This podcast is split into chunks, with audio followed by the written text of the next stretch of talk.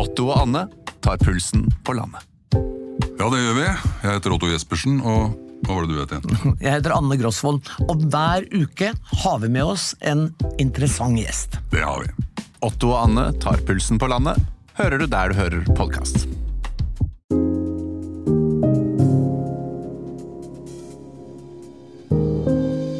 Fredrik og Kadafi, en podkast fra TV 2. Takk skal du ha, Mikael. Eh, Kadafi, jeg er utrolig glad i vin. Det vet jeg.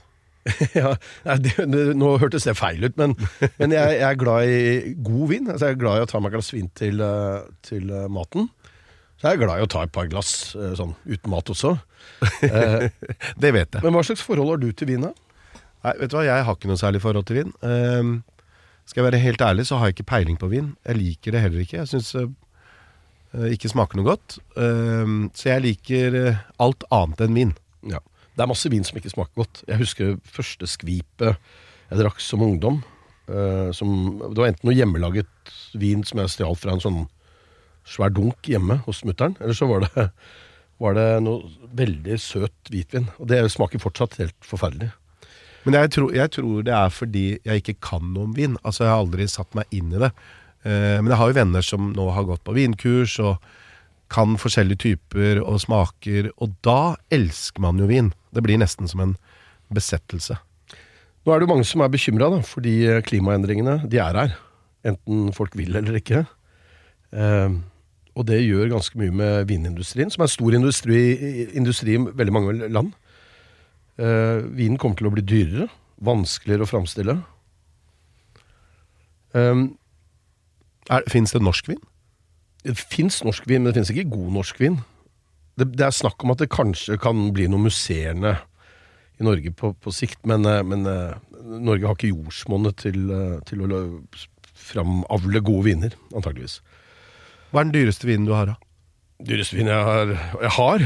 Ja, den kostet 50 000 Nei, jeg har ikke noe sånn dyr vin liggende, og jeg har heller ikke noen muligheter til å lagre. Men jeg har drukket vin som koster veldig mye, sammen med andre. For eksempel 10 000 kroner. Eh, for et glass? for en flaske.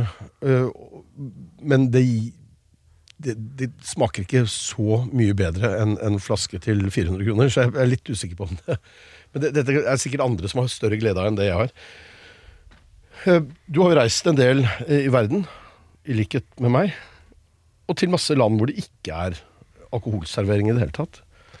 Ja, Eller, altså men det fins alltid noen muligheter. Ja da, og det er alltid litt spennende, spesielt i muslimske land, hvor noen av de hvor det er helt forbudt eh, å få tak i um, alkohol. Eh, og noen ganger så har jeg ikke fått tak i noe annet enn vin. Uh, ja, nå skal jeg ikke ramse opp alle de landa, eller hvordan man får tak i det. Men, uh, Men jo, men jeg kan jo si såpass at i Iran og Afghanistan og sånn, så har jeg funnet muligheter. Jeg vet ikke om de er, eksisterer i Afghanistan lenger, men eh, det er alltid og i Pakistan òg. Og i Pakistan. Ja, ja. Der, der var det FN-klubben pleide vi å gå på i Islamabad. Ja, og China Club. Ja. Og ja, er det noe også? Ja, ja. det- og et av, jo, i Pakistan, på en kinarestaurant der, så bestilte vi Diplomatic Tea. Som da var en, da kom det en sånn, Vi var fem stykker som satt rundt bordet. Så kom det en sånn liten tekanne med øl i. Og så skjenket de opp i sånn knøttsmå teglass. Det var én slurk hver gang. Og så måtte du be, be om en ny sånn tekanne på bordet. Det har jeg faktisk eh, opplevd sjøl. Ja, Sigurd Vongraven, velkommen til oss. Takk for det. Husker du den første vinen du smakte? Mm, nei, det, nei, jeg gjør ikke det. Gjør ikke Hva det. tror du det var? Sikkert noe dårlig. Um, når jeg Jeg smakte vin i ganske mange år og har tenkt mye på det etter at um, eh, jeg satt der med et vinproduksjonsselskap senere, at det var på mange måter et godt tegn at noen av de vinene jeg husker som jeg sa at nei takk, jeg tar heller en øl når jeg var en ung voksen. Eh, det var jo litt flaut den gangen, sant? for da var det akkurat som at de andre unge voksne rundt meg de skulle da bli litt mer raffinerte og sofistikerte. sånn at Så nå var det liksom ikke øl og sprit lenger, nå var det middag og vin. Jeg syns de vinene var, var eh, utrolig dårlige. Jeg, jeg husker jo et par-tre av de favorittene folk hadde rundt meg, som ofte ble servert. Og jeg tenkte at dette kan jeg ikke drikke, kan jeg få en øl i stedet. Og det er viner som er kjent for å være svært dårlig, vet jeg nå, så jeg tenkte kanskje det var første tegnet på at jeg hadde en bra pallet. Hvor i Norge var dette? Hva? Hvor, hvor var dette? Oslo. Oslo, ja. Mm. Hvor kommer denne vininteressen fra? For på et eller annet tidspunkt så begynte du å bygge opp eh, interesse for å smake på dette her, da. Ja, Det foregår jo gjerne over tid. da. Det blir jo sånn at man eh, har mange gode opplevelser. Eh, en sånn bauta i norsk vin sa at hvis noen sier at eh, vininteressen kom av en enkel flaske, så, så tror jeg ikke noe på det, og jeg kan være enig i det. Eh, det er jo gjerne at man har mange gode opplevelser. Um, og for min del så var det Jeg tror at det der med at bandet mitt Satyricon Altså, husk på at jeg, jeg gikk jo verken noe høyskole eller universitet. Jeg fikk platekontrakt i en alder av 17 år. Og den gangen Så det å få platekontrakt, det var jo på en måte liksom å signere en proffkontrakt for Liverpool, sånn som verden så ut eh, på tidlig 90-tallet. For det var bredt internasjonalt. Så det er sånn som Erling eh, Braut Haaland skulle ha sagt at eh, eh, jeg har ikke anledning til å trene på dagtid, men jeg kan være med på kveldene og i helgene. eh, fordi at jeg må gå på skole. Em, eller sånn som Formel 2-håper Dennis Hauger også, som har satt dette her til side med skolegang i håp om å få en, en eh, proff racerbilsjåførkarriere.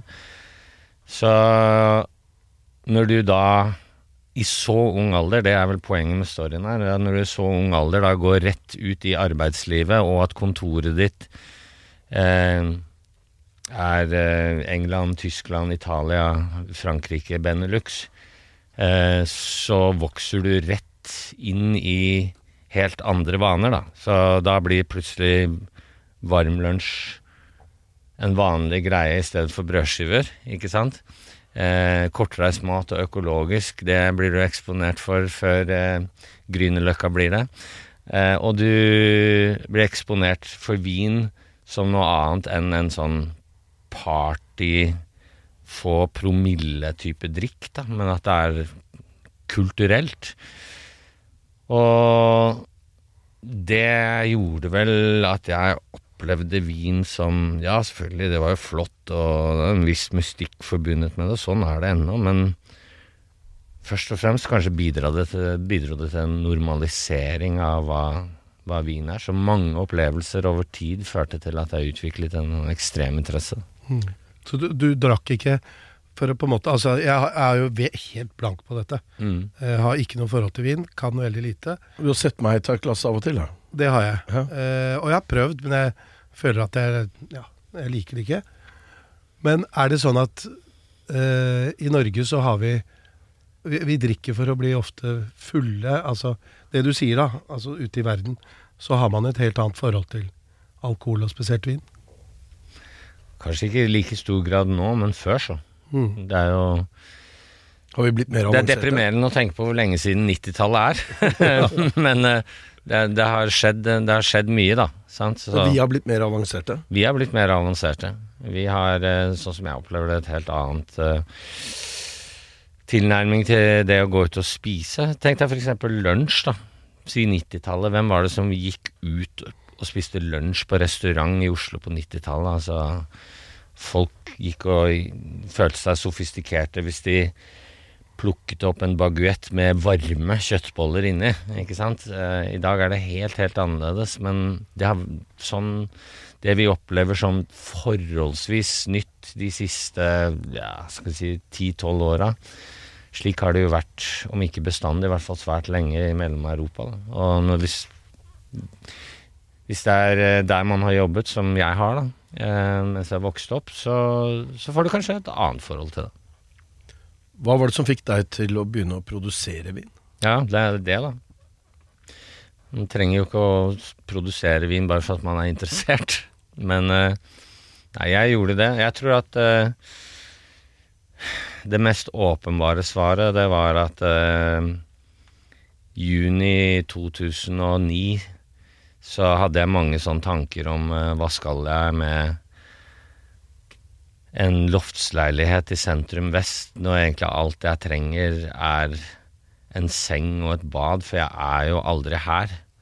Så satt på 120 kvadratmeter, så tenker jeg at jeg bruker senga og do, og så etter ni dager så er jeg gone again, og da skal jeg være borte i ni uker. Så er det samme igjen, og så skal jeg være borte i seks uker. Det høres kjent ut. Ja. så jeg tenkte at det her er jo ikke noe vits i. Um, og etter hvert så ble alt sånn med eh, storbursdager, bryllup og begravelser Det ble bare en sånn fjern greie. Altså det gikk fra å være noe jeg hadde dårlig samvittighet for å misse ut på, til at det var nesten sånn verden for de som er her. Men jeg er jo aldri det uansett, så den dårlige samvittigheten den forsvant jo gradvis. Og bare tenkte at det er uansett et liv som jeg ikke tar del i. Um, men så i sommeren 2009, når jeg da så hva jeg hadde bak meg av konserter, og hva jeg hadde foran meg, så tenkte jeg at uh, nå har jeg blitt, dette har blitt en maskin. Jeg har beveget meg ganske langt bort fra grunnen til at jeg starta med musikk. Jeg er jo på en måte egentlig bare er kvern som bare står og går og tjener veldig mange andres interesser enn bare mine egne. Eh, Og da så jeg at vi hadde den siste konserten 20. desember, var, var det vel, i London.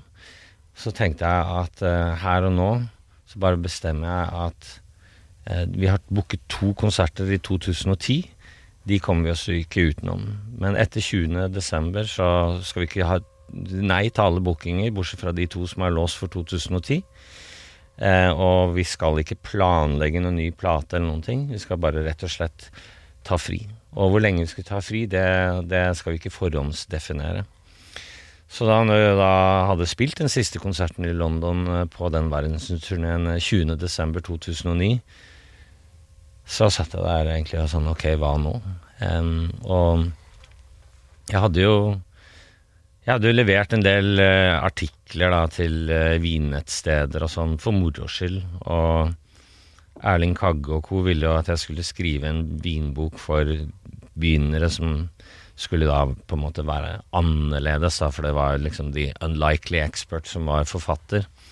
Så jeg startet jo litt på det arbeidet, og, og syntes jo det var veldig interessant å møte alle de folkene som jeg hadde lyst til å møte i forbindelse med arbeidet til den boken, men jeg merka jo ganske fort at det å skrive bok, det syns jeg ikke var noe gøy.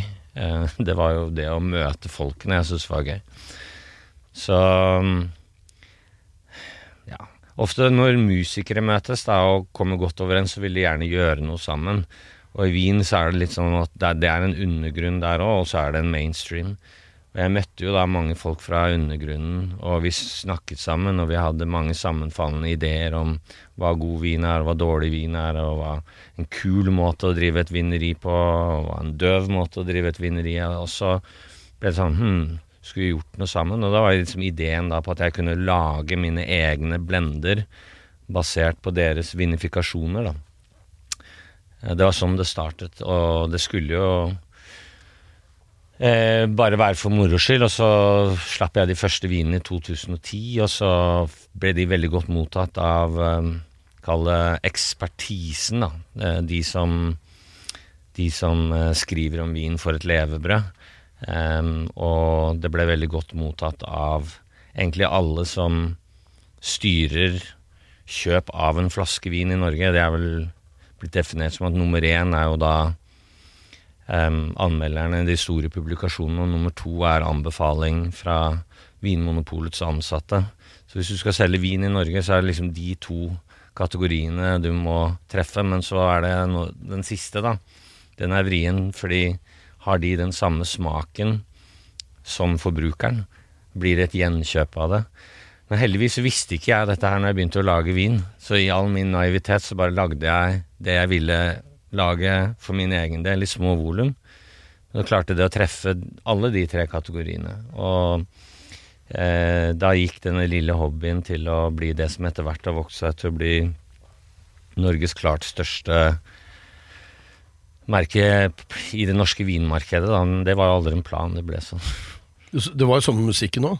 Ja, egentlig. Der. Det var vel ingen som trodde at black metal skulle bli det det ble. Men hvor, hvor lagde du dette? I Piemonte i Nordvest-Italia, og så utvidet etter hvert til eh, Champagne-regionen i Frankrike. Eh, og så til slutt til Fals i Tyskland, som er ganske nære grensa til Frankrike. Så du dro ned og begynte Altså, hadde du en oppskrift, eller hvordan, hvordan funker det? Det er det litt sånn samme som i dag, at oppskriften, den, eh, den kan du ikke eh, den kan du ikke lage basert på det du har foran deg. Du må ha en idé om Hvis vi da tar utgangspunkt i en um, i en Langerosso da, fra Piemonte i Nordvest-Italia, som er en god allround hverdagsvin.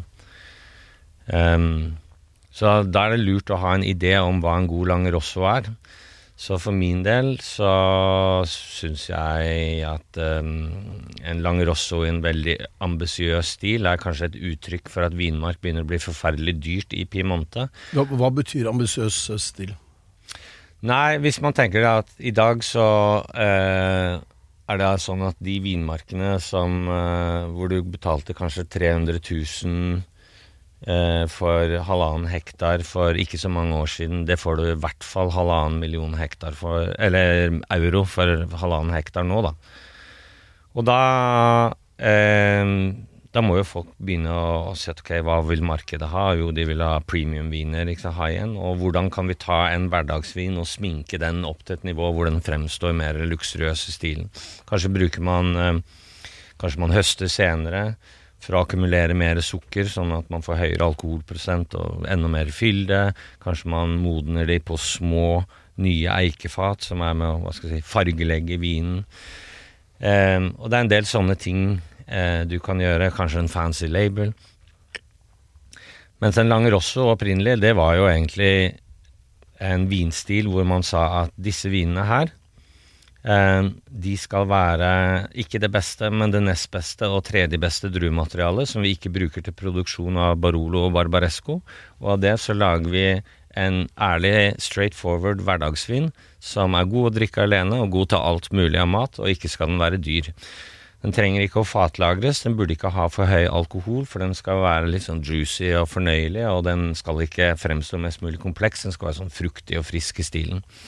Og det er den stilen Langerosso eh, jeg sympatiserer med. Så det er, sitter her oppe liksom Hva er en god Langerosso for meg? Jeg bare lurer på en ting. Altså, fra du bestemmer deg nå skal jeg ta fri, nå må jeg gjøre noe annet og til da første vinen? Hvor lang tid tar det? Her må du jo sikkert masse research. og...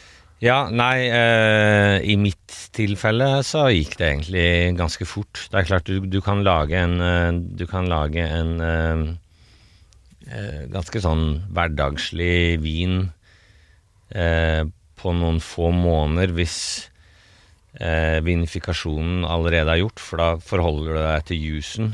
Og da blender du den, og så må du modne den litt før du slipper den. Hvor tett er du på produksjonen? Er du nede og smaker underveis, eller er det jeg er så på? tett på produksjonen som jeg kan være, fordi at det er den delen av det jeg liker, da.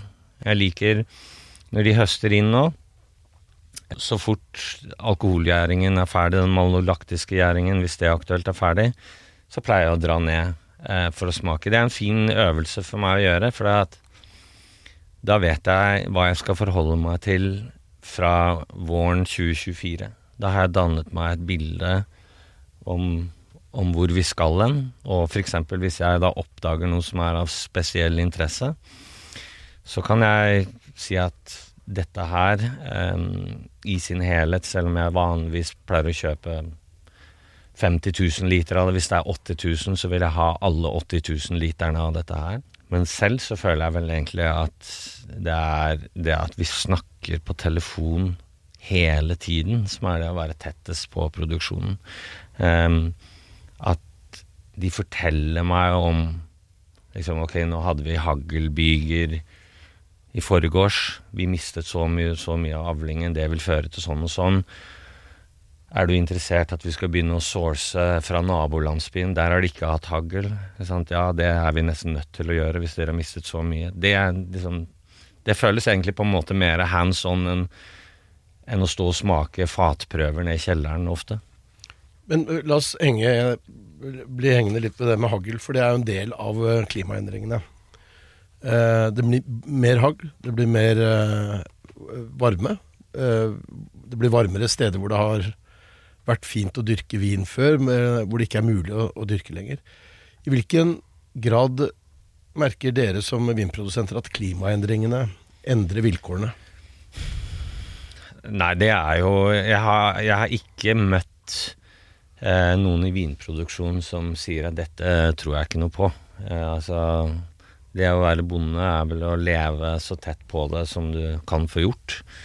Eh, og ja eh, Jeg eh, Det mest åpenbare, da, det er jo da høyere alkohol i vinene. eh, Som følge av varmen, eller? Av varmen. Og mer eh, tørke som får eh, planten til å shut down, som vi sier, eh, og slutte å produsere. Um, mye solbrente druer, så du får da druer som har ja, skrumpet sammen sånn til god vei mot rosinform, ikke sant. Du får skall med misfarginger, som er, det er rett og slett solbrenthet. Eh, det er klart at lenge før det var opplest og vedtatt at klimaendringene var her, så ville man jo jobbe med det man kaller canopy management. Eh, hvis du hadde tatt vinplanter og bare latt de vokse fritt, eh, så ville det blitt helt uhåndterlig. Det er sånn som de har i Bekadalen i Libanon. Der har du, der har du det man kaller bushvines. Og jeg har selv vært der og sett da hvordan arbeiderne i 42 varmegrader jobber med de plantene. Sånn, du må gå på huk, da, ikke sant. Mens det du gjør, er at du får jo plantene opp i et bindingsverk, sånn at du har en sånn kontroll på hvordan de vokser, og hvordan de eh, er eksponert for sol.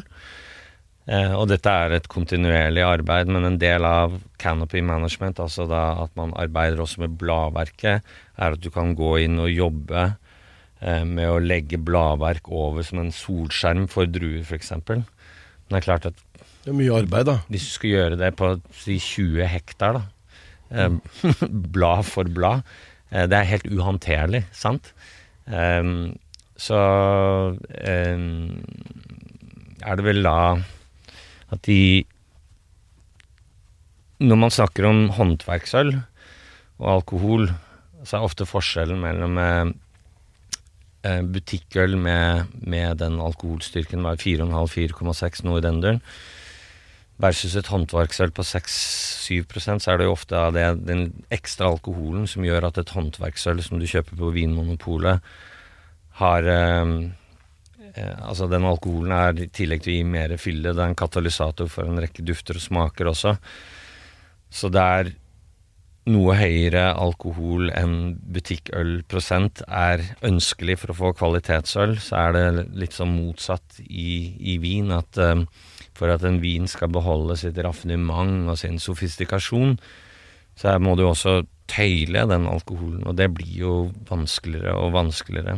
Og noen sier jo at de stedene som for mange tiår siden ble ansett for å ha optimal soleksponering, kanskje de i dag har for bra soleksponering.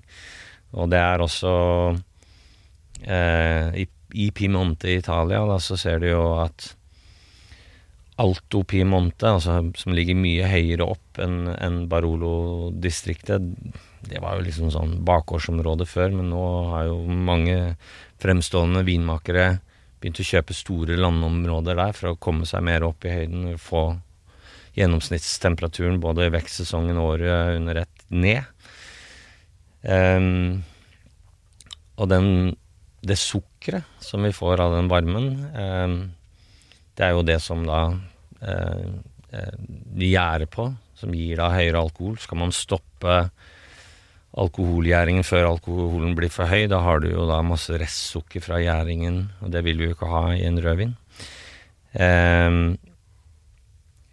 hagl har jo vært, hvis du tar Piemonte som utgangspunkt, hagl har jo vært eh, et problem lenge lokalt uansett, men eh, det har jo blitt verre. Jeg vet ikke om noen kan føre noe vitenskapelig bevis for det. Det er det sikkert noen som kan, men det er vel kanskje den generelle feedbacken at det oppleves som verre. I hvert fall oftere. Ja. Eh, tørke. Eh, der får du litt det samme problemet med, med at planten bare rett og slett lukker ned, slutter å produsere. Da får du jo da eh, mindre vin. Og det jo, har jo en stor økonomisk konsekvens da, for produsentene. Eh, for en tre-fire, var det 2018-2019, så var jo vannstanden i Rhinen i Tyskland så lav at det påvirket bensinprisene, for veldig mye bensin kommer jo ned Rhinen, lastes om og inn til bensinstasjonen, og alt måtte kjøres inn på lastebiler i stedet. Det ble veldig mye dyrere bensin av det.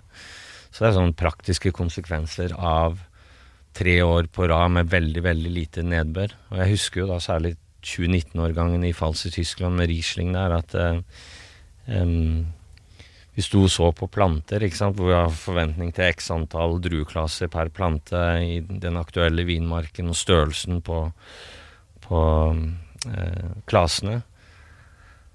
Og det minnet jo veldig mye om ekstremt gamle planter som jo da slukker ned naturlig og begynner å produsere mindre på planter som på, på ingen måte var gamle. Men det er rett og slett fordi at det er så tørt i bakken. Da jeg snakket med deg sist, så sa du at uh, du hadde et pragmatisk forhold til dette, ikke et dogmatisk forhold til det. Jeg kan jo ikke, jeg får jo ikke gjort noe med dette her. Nei, men, men så du tenker at uh, i framtida så vil uh, vinmarkene være høyere opp og i andre daler, i andre land? Ja, det kan det være, men det kommer jo litt an på jordkomposisjon, da. Eh, det er jo klart at, eh, at eh, noen steder så, så er det jo eh, veldig varmt, eh, men eh, jeg har til gode å høre om en rekke liksom fantastiske viner fra Brasil allikevel. Og ja eh, i disse dager så eh, har vi besøk av her i Norge av en av verdens fremste eksperter på vin. En eh, britisk dame som heter Jancis Robinson. Og hun sier at eh, det er rart med det hvordan noen av verdens mest ettertraktede viner dyrkes i klimatiske soner hvor det er nesten for kaldt til å lage vin. Kadafi er jo fra Lier. Betyr det at uh, han kan slå seg opp som vinbonde på et eller annet tidspunkt og dyrke gode druer Du der? kan og jo slå deg opp som eplebonde nå, Ja, det vet du sikkert. Ikke sant? Ja. Nei, men er det Altså, eh, vi har jo dekka en del klimakriser. I fjor var i Pakistan, og det var flom. Altså isbreer som smelta. Og man blir jo skremt og tenker ok, og ikke minst Europa. Altså, er det ja, norsk vin i framtida? Ja, det er det, da. For der Jancis Robinson snakker om at noen av verdens mest ettertraktede viner er laget i områder hvor det er nesten for kaldt. Og da kan vi tenke Norge, ikke sant? Men så er spørsmålet har vi en, har vi en sammensetning av jordtyper som gir grunnlag for en vin som Altså, det vi ser, da, det er jo at når du Si fals i Tyskland, da så har vi kalkstein, og vi har ulike typer eh, sandstein, og vi har leire. Vi har eh, vulkansk basalt. Ikke sant? Det er så mange jordtyper blandet i ett, og det ser du ofte, da, i de områdene hvor noen av verdens mest ettertraktede viner kommer fra. Eh, og i den grad det finnes i Norge, eh, hvor finnes det? Men Ok, så kanskje vinproduksjonen flytter seg til eh, kjøligere områder hvis, hvis eh, jordsmonnet ligger til rette for det. Det er mange steder eh, hvor det ikke er lov å vanne, som det sikkert kommer til å bli lov til å vanne. Span Spania er jo et land som sliter med mye tørke. Det er jo vanskelig for de å tillate at vannet skal eh, forbeholdes eh, vinmarkene. Ja, det er for- forståelig nok. Forståelig nok. Og så tror jeg at uh, vi kan Jeg ser også for meg at uh, en, en del form for eh, tilsetninger som ikke er lov i dag, fordi at det oppleves kanskje som liksom uverdig, uhederlig, lite kunstnerisk og altfor industrielt, vil måtte bli lovlig, eller i hvert fall at man utvikler ting som skal ha en form for sånn kontraeffekt på de uønskede konsekvensene som eh, klimaendringene fører med seg på disse druene. Når alt kommer til alt, så er det fruktbransjen vi er, da. Det er druer det skal lages av. Jeg snakket med, med vineksperter på Vinmonopolet som forteller meg at um, de ser for seg at f.eks. den beste pinot noiren i Europa kanskje etter hvert dyrkes i England og ikke i Burgund, som er kjent for det i dag. At man, og Vi har jo sett det når det gjelder musserende vin også. Vi hadde eh, Ingvild Tenfjord, uh, vinspesialisten, på besøk her, eller vinjournalisten. Og hun, hun la sommeren til England for å jobbe som vinbonde der. Og, og, var veldig fascinert av mye av den britiske musserende vinen. Mm. Vel, jeg tror også det. Samtidig liker jeg å være en liksom motstemme der, fordi at jeg har eh, drukket noen få helt fantastiske eh, britiske musserende viner. Eh, og jeg tror det kommer. Men dette har jo nådd uh, hva skal jeg si, the attention of the general public sånn i det senere. Men dette har liksom vært snakket om så lenge jeg kan huske. Så lenge jeg har vært interessert i vin, så er det sånn Nå kommer England. Men uh, de har ikke det, skjønner du. De har Altså, du kan telle store britiske musserende viner på én hånd. Uh, og du kan uh, skrive et tjukt oppslagsverk om flotte champagner. Sånn at når det gjelder bredde og kvalitet, så Det blir nesten å ta i å si at det er i startgropa. Jeg ville sagt at de viser håp om at dette kan gå. Men jeg tviler sterkt på at at det er noe som dukker opp om fire-fem år, og kanskje pinot noir eh, vil være enda vanskeligere, men at det kan komme eh, om eh, 10-15-20 år, det, det, det, tenker jeg absolutt burde være mulig, da. Tror du det finnes god vin om 100 år? Ja, vi får jo håpe det. Men jeg har en sånn feeling av at den kanskje er laga på en litt annen måte. Så er jo spørsmålet klarer, klarer vi å snu dette her?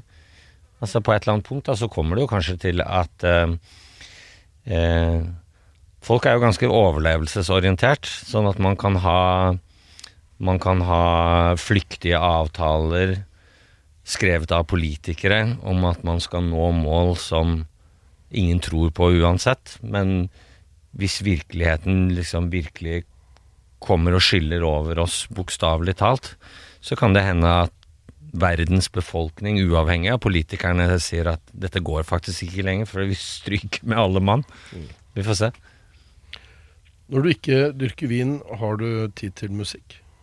Ja, i disse dager så så jobber vi da med å lage en ny Satyricon-plate. Eh, vi hadde jo en utstilling på Munch-museet i fjor som het Satyricon og Munch.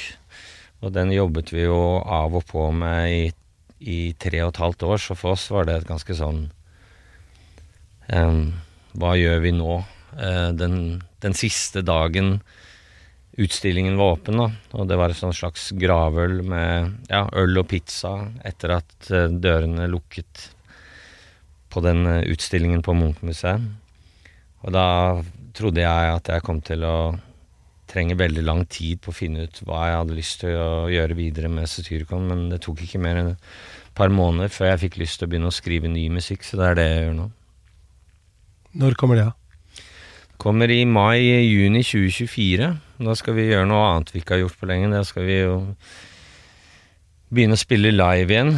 Under pandemien så var vi liksom alle andre, da, at vi eh, så på alternativer, og jeg tror eh, alle møter jeg hadde med sånne produksjonsselskap som skulle ha sånn live streaming-konserter. Eh, Jeg tenkte bare at det greiene her, det Det var akkurat som sånn sultne ulver som kom til forhandlingsbordet med uprofesjonelle løsninger som de skulle ha massivt betalt for å utnytte seg entertainmentbransjen og musikkbransjens desperasjon etter å få inntekter. Så jeg så bort fra det og sa at gutter, dette her har vi sjekket ut. Eh, dette her er bare tull. Vi gidder ikke det. Vi venter på en, en gjenåpning av, av, samfunnet. Det tok jo lengre tid enn vi trodde, og da eh, brukte vi det kanskje også til å resette litt. At vi sier at Nå har vi gjort ting ganske likt veldig lenge. Kanskje vi skal bruke det vakuumet vi er i til å gjøre en del endringer. Um, og nå står vi ved det punktet vi ser at nå har vi gjort en del endringer, og nå kan vi jo begynne igjen. Men vi kommer ikke til å gå tilbake Kommer ikke til å gå tilbake til uh, en sånn hardcore turné-schedule. Det er noe med at når du er Har du blitt for gammel? Nei, vet du hva. Det jeg tenkte før, det var jo at uh, utrolig hyggelig å ha barn. Uh, og så kom pandemien, og så begynte jeg å tenke til meg selv at uh, det er helt uutholdelig å være hjemme. Det er som å være et fengsel. Og så tenkte jeg at jeg kjenner ingen annen virkelighet enn å være på farta hele tida. Helt jævlig. Um, men så da begynner du å merke at det å ha sånn regelmessig tilgang på mine egne barn at jeg Ja, dette kan, dette kan jeg like. Og, og, etter hvert som tida gikk med det, så tenkte jeg at eh, jeg har ikke lyst til å slutte med det her, for det her var faktisk utrolig fint. da. Så det er nok det som er den største motivasjonen for å regulere det. Så sa en, en, en, en norsk aktør eh, i underholdningsbransjen som jeg lufta dette her med, så sa så enkelt at så er det noe med alt til sin tid, Sigurd. Så sa jeg at ja, faktisk, i all sin enkelhet. Sånn er det. Alt til sin tid. Mannen som uh, lager uh, vin av vann og litt til, og musikk som er likt over hele verden. Sigurd uh, Von Graven, takk for at du kom til oss. Takk. Her i studio satt Kadafi Saman og Fredrik Resvik, teknisk produsent Mikael Skorbakk, redaksjonsleder Niklas Lysvåg og redaktør Karianne Solbrekke.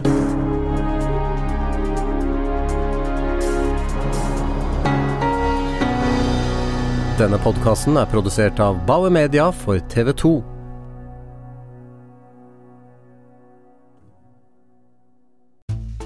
Vi i Rema 1000 kutter igjen prisene.